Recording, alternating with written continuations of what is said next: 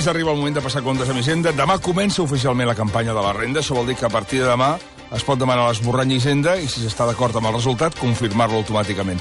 Una campanya que arriba amb novetats significatives i marcada especialment per la rebaixa fiscal aprovada l'any passat. De tot plegat en parlem un any més amb el nostre expert a l'hora de fer la declaració de la renda, en Jordi Altaió, doctor en Economia i president de la Comissió Econòmica i Financera, Comptable i Tributària del Col·legi de Gestors de Catalunya. Bon dia, Jordi, moltes gràcies. Bon dia, Jordi, què tal? Novetats. Ja, ja no parlem més dels papers de Panamà.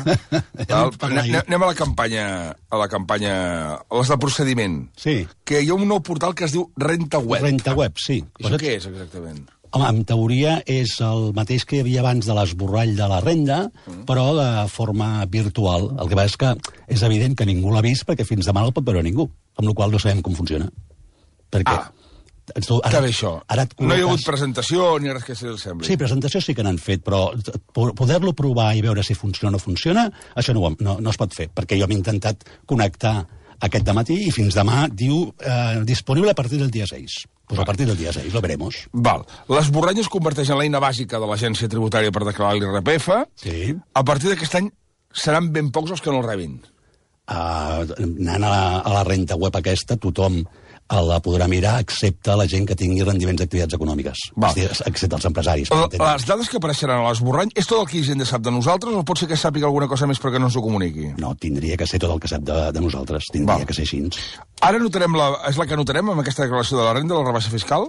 Sí, clar, la, la, la reducció de tipus d'interès, eh, perdona, de tipus impositius i de trams, que es va aprovar el 2015, tindrà l'efecte a la declaració de renta que farem ara, que és la del 2015. Llavors la gent trobarà que en principi li tornaran més diners i pagarà menys impostos. I pagarà menys impostos. Sí. Però això no t'ho no t'ho treuen ja quan pagues cada mes? Sí, o sigui, la a, a, és a dir, aquesta fiscalitat no te la treuen en a, a la nòmina de cada mes? En principi les retencions tenien que haver baixat perquè havien baixat els tipus impositius i eh, com a conseqüència la devolució tindria que ser molt semblant. Si el que passa és que no es va aplicar a tothom la, la baixada de les retencions i és molt possible que hi hagi devolucions molt importants. A la majoria en sortirà a retornar? A la gran majoria, per supuesto. Està pensat així, eh? Està Sempre. pen- Però ara més. Sí, clar, està pensat de manera que el contribuent al mes de juny, en vez d'estar emprenyat perquè ha de pagar impostos, està content perquè li tornen. Cosa que és absolutament mentida, perquè tornen el que esteu. Clar, sí, sí. El principal canvi és la reducció dels trams. I, I si és un bon canvi, perquè amb l'efecte que em fa també és una mica que els que més perjudicats són, surten són les de les rendes mitjanes, els que menys afavorits surten. Sí, sí, sens dubte, les rendes altes han sortit molt, millor, molt beneficiades d'aquesta reforma. Les altes. Les altes.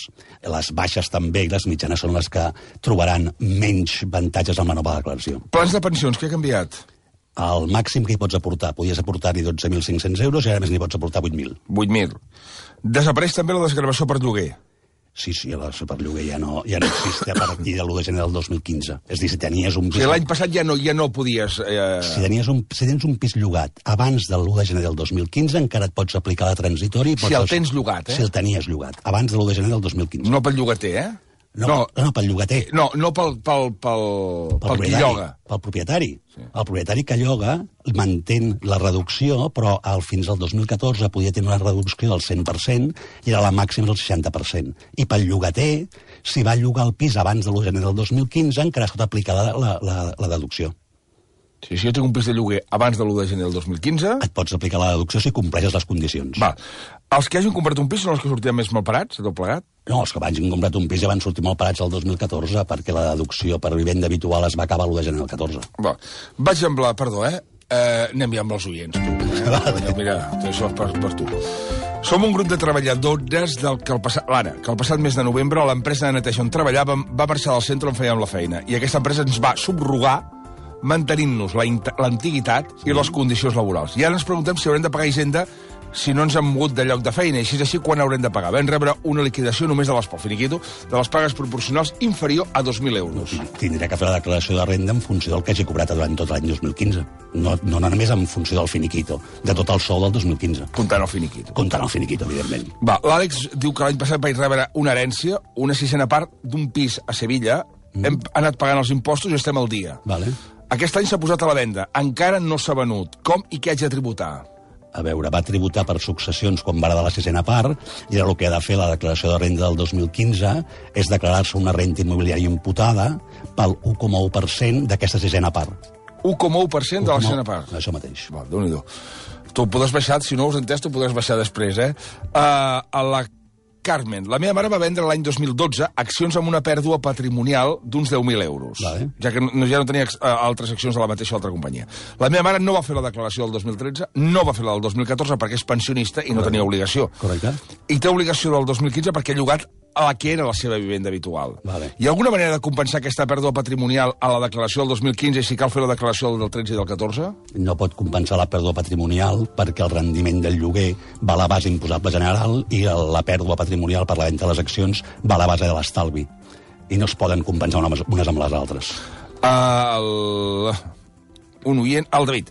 A la desgravació per vivenda habitual de compra s'hi poden incloure els imports de les assegurances de vida i d'habitatge si aquestes dues consten com a requisits en la hipoteca? Si consta en l'escriptura, sí. En cas afirmatiu, assumen els imports al total del pagar d'hipoteca o es fan una altra casella? No, no, es suma, el suma l'import pagat de la hipoteca. És com més import de la hipoteca. En el cas, la de no ser autònom, les assegurances mèdiques desgraven d'alguna manera?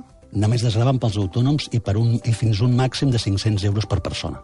Però pots desgravar també, si ets autònom i està el marit, la senyora i dos nens, et pot desgravar eh, 500 euros per persona, que en aquest exemple en serien 2.000. La Marta Lomà diu, la meva filla de 19 anys, aquest 2015, ha començat a treballar. Pels ingressos que té no arriba al mínim per fer la declaració, però la pot fer igualment per si li torna alguna cosa? I tant. I I tant. si la fa, jo la puc declarar, la meva declaració, com a desgravació per fill? No, si, la, si la, la noia fa la declaració per la seva banda, la mare no se la pot posar a la seva declaració de renda. Val. El Joan Manel, si, em puc desgravar el contingut de l'assegurança de la casa? El, perdó? El contingut de l'assegurança de la casa. No, si té una assegurança del contingut de la casa no se la pot desgravar de cap manera, salvo que la tingui llogada, eh? Bueno. El Ricardo, est, eh, soc a l'atur fa 3 anys i tinc un ajut familiar de 426 euros. Sí. La dona treballa per 1.000 euros més. Sí. Voldria saber si he de fer la declaració encara que no arribem als 1.500 euros. Tinc dos fills menors d'edat, de 13 i 17 anys, i una hipoteca des del 2013, però no sé si em poden retornar diners. Amb aquestes dades, que no faci la declaració de renda perquè no li tornaran res, perquè no li han retingut res. És dir, com que té un salari molt baix, no té retenció, no tindrà retenció, no li poden fer cap devolució. I la hipoteca? Encara que s'esgavi la hipoteca, com que no té retenció, Val. la devolució és zero. Val. És el que et deia abans, et tornen el que has pagat. Val. Si aquest senyor no ha pagat res, no li tornaran res. El David, estic de lloguer un contracte firmat al novembre del 2011, que aquest novembre hauré de renovar. Aquest any puc seguir declarant el lloguer i l'any que ve podré declarar fins al novembre del 2016? Correcte, el 2015 se la pot desgravar i el 2016 fins al novembre se li el contracte. Soc l'Eva i durant el 2015 he tingut la custòdia dels dos meus fills, però en els últims tres mesos del 2015 la custòdia està passat al pare. Com ho he de posar això a la renda? Puc indicar 9 mesos de custòdia amb mi i 3 mesos en son pare? A veure, és que no depèn de la custòdia, depèn d'amb qui vivien aquests nens. Ens ha de dir amb qui vivien, no qui té la custòdia. La, la, la, la deducció pels fills està en funció d'amb qui viuen els fills, no qui té la custòdia. Va. El Francisco diu que té un nen amb discapacitat. Vam sol·licitar a Hisenda el pagament avançat dels 1.200 euros que ens corresponen per fill discapacitat de càrrec i durant el... Perdó, què dius? Correcte, correcte. Val. I durant el 2015 m'han fet els pagaments dels 100 euros. Correcte. Des de gener fins a l'agost, i a partir de l'agost ja no ens l'han pagat. Mhm. En quina casella de posar els 800 que m'han pagat i com fem per reclamar els 400 que falten? Els 400 és una deducció que ho té que posar a la declaració de renda i ho descomptarà de la quota. Si no té quota, que és a tornar, li tornaran 400 euros més. I amb els 800 no ha de fer res. Val. Uh, el Miquel diu... Uh, podem els ciutadans declarar-nos objectors de consciència fiscal?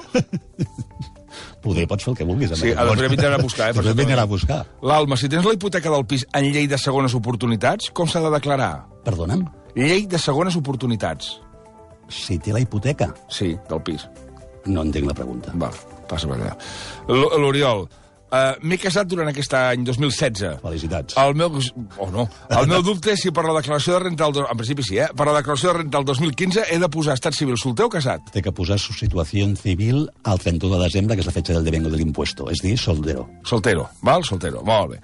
Uh, L'Irene, el 2015 vaig vendre unes accions i el que vaig cobrar ho vaig invertir en una empresa de màrqueting online amb plans de compensació anuals. És a dir, inicialment inverteixes el capital Sí. i mensualment et retornen una, un capital X, eh? I mensualment et retornen un percentatge de la inversió, al cap d'un any el retorn ha estat del 100% més un diferencial de beneficis. Correcte. Entenc que la venda d'accions l'ha de declarar com a tal el 2015, però la nova inversió com l'he de declarar? No, la inversió no li afecta la declaració de renda. No. No. Ha de, el 2015 sí, Ha de eh? declarar la venda del 2015 i la nova inversió no li afecta fins que se la vengui. Vaig a, a Badalona. Dolores, bon dia.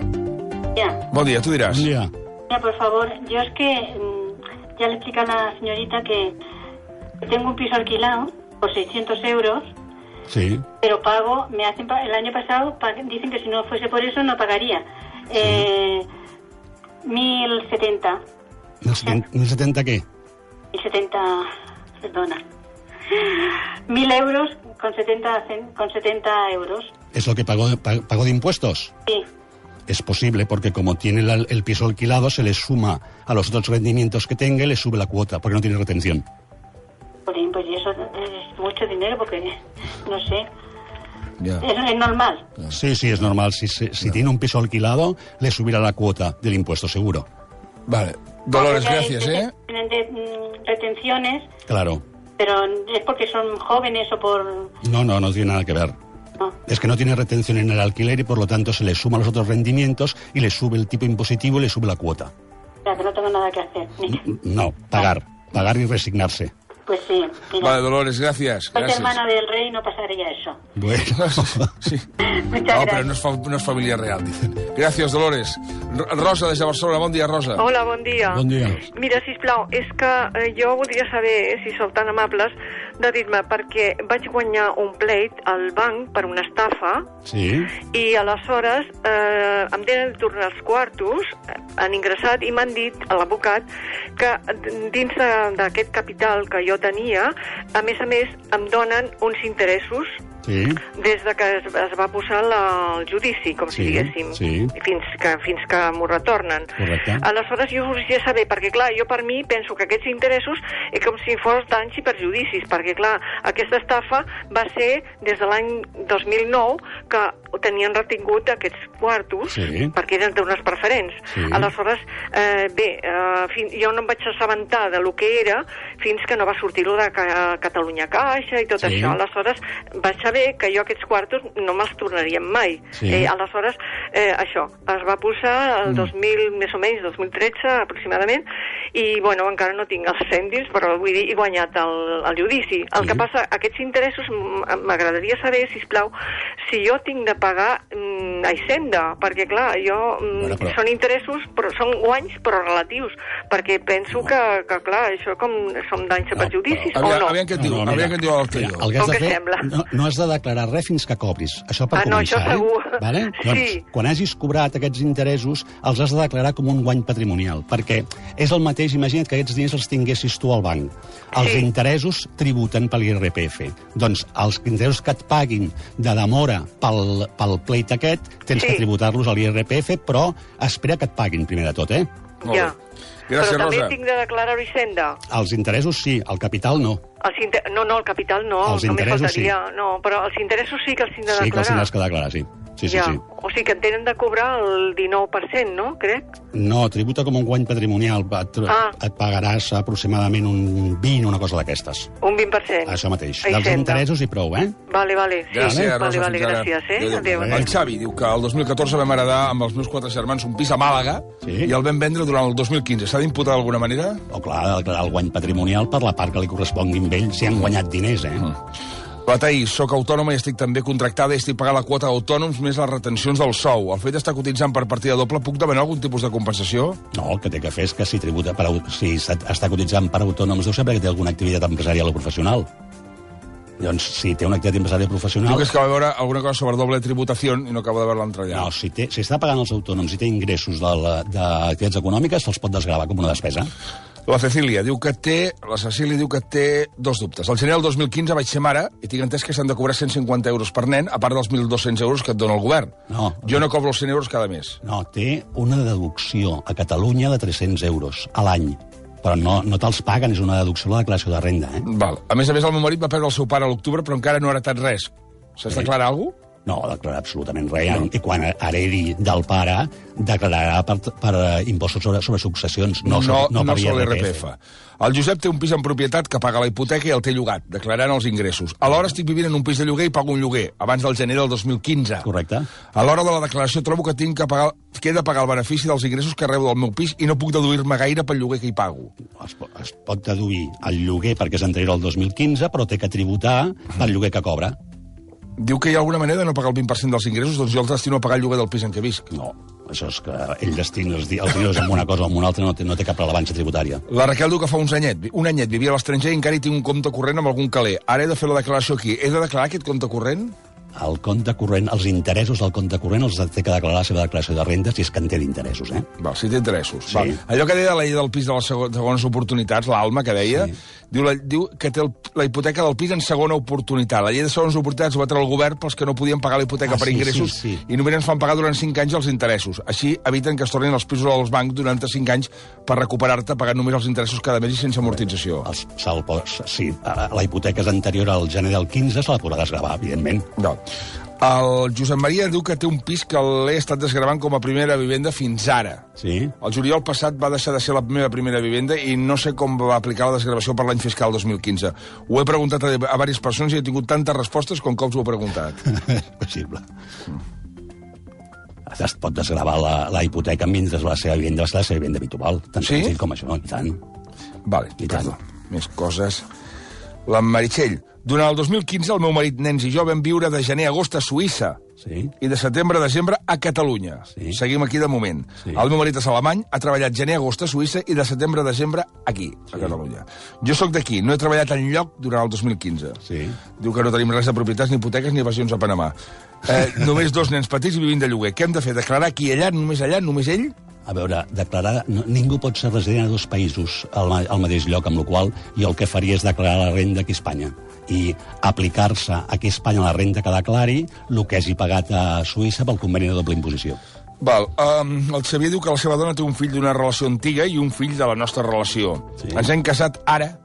Sí. I com es declaren els nens? Jo he de declarar un, dos, el 50%, el 100%, diu la custòdia seva del fill de l'antiga relació. Ha de declarar el seu fill, que només és seu, ell el 100%, i el que és dels dos, meitat cada un. Val.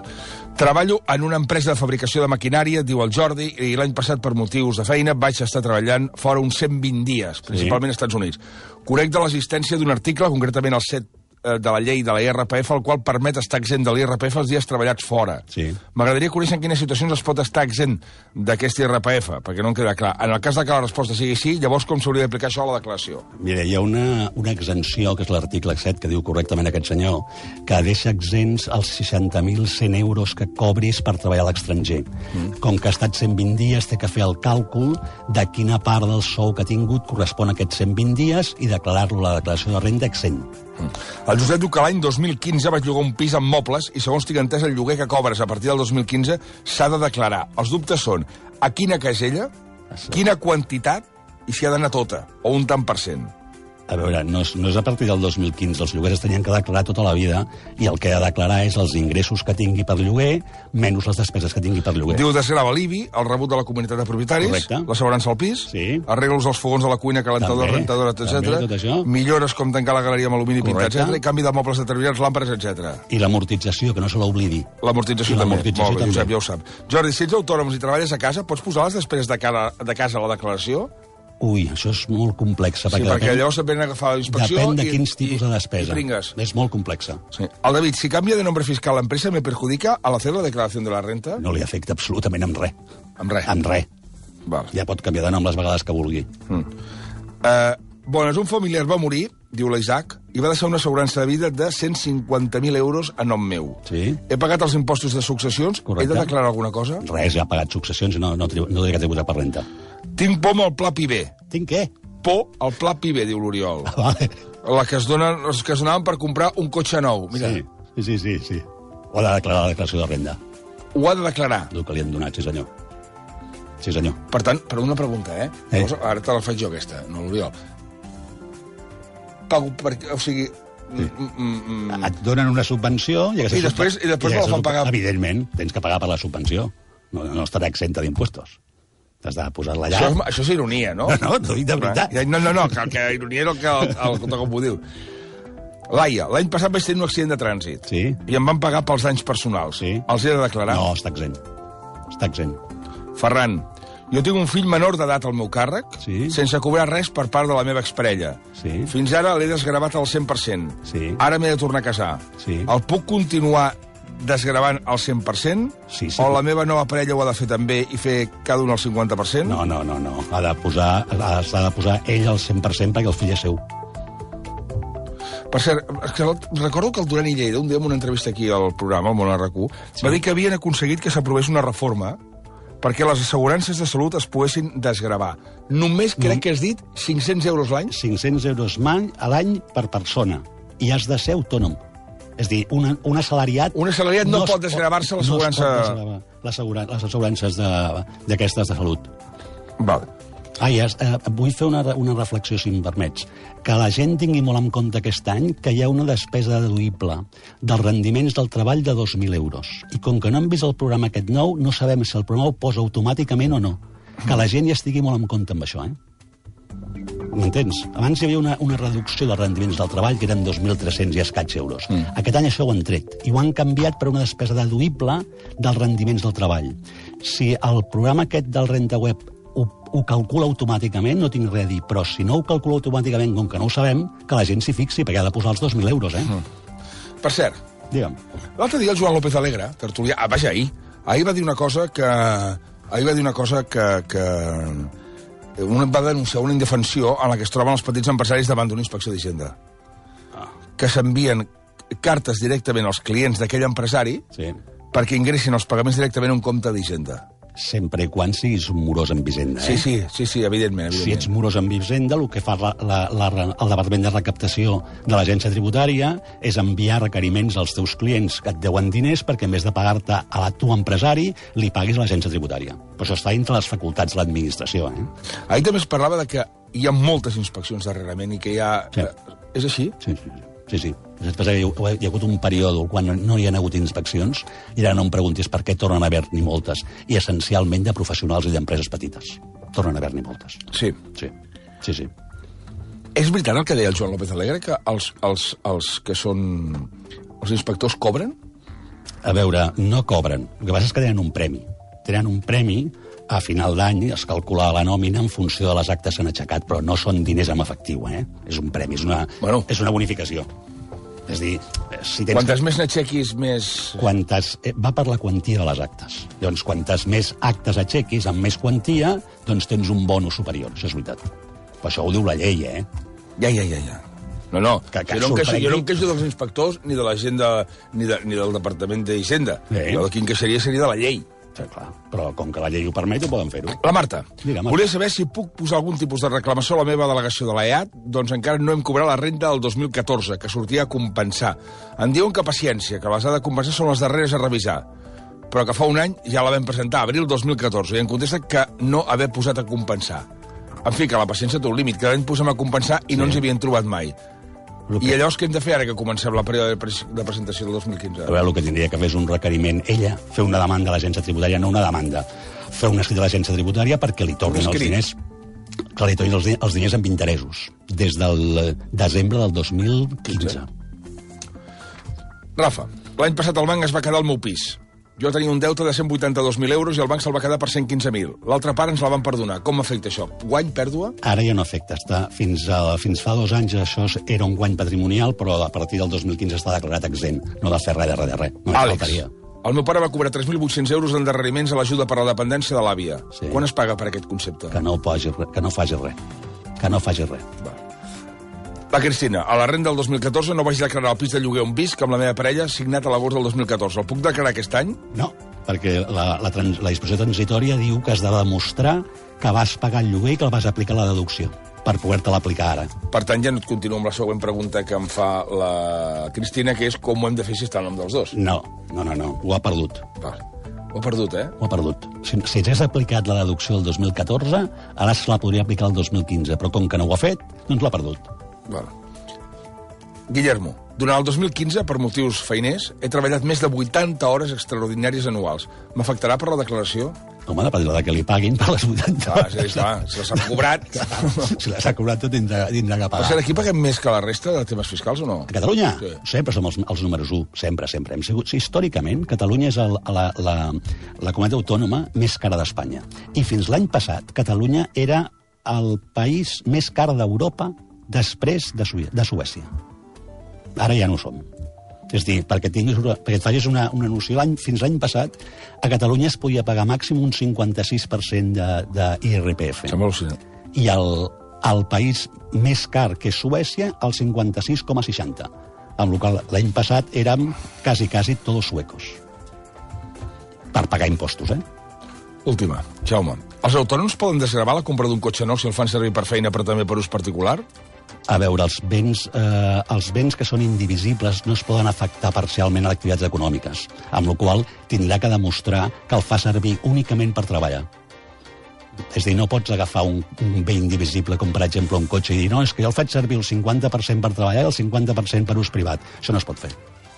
Però val la pena fer-ho? O Diu, recomanen fer només el 50%, però val la pena fer-ho o porta problemes a la llarga, per exemple, en surts a la No, inspecció? no, a veure, el 50% d'IVA sí que se'l pot desgravar sense cap tipus, però els efectes de la declaració de renda, que no ho posi que es fotrà amb un lío. Es fotrà amb un lío. Perquè tindrà que ser ell que demostri com té el, Sobretot- el cotxe afecta. Jordi Altaió, sobretot, Digui'm. avisem que el que rebem del programa Padre, allò no és paraula de Déu. Això està claríssim. El Això tinguem-ho clar, això, eh? I el renta web aquest no sabem com va, tampoc, és Tampoc, paraula de de Déu. moment no, per si de cas, ja en parlarem. Ja veurem què D'aquí passa. unes setmanes tornem. Jordi, Molt bé, gràcies. perfecte. Són les 11.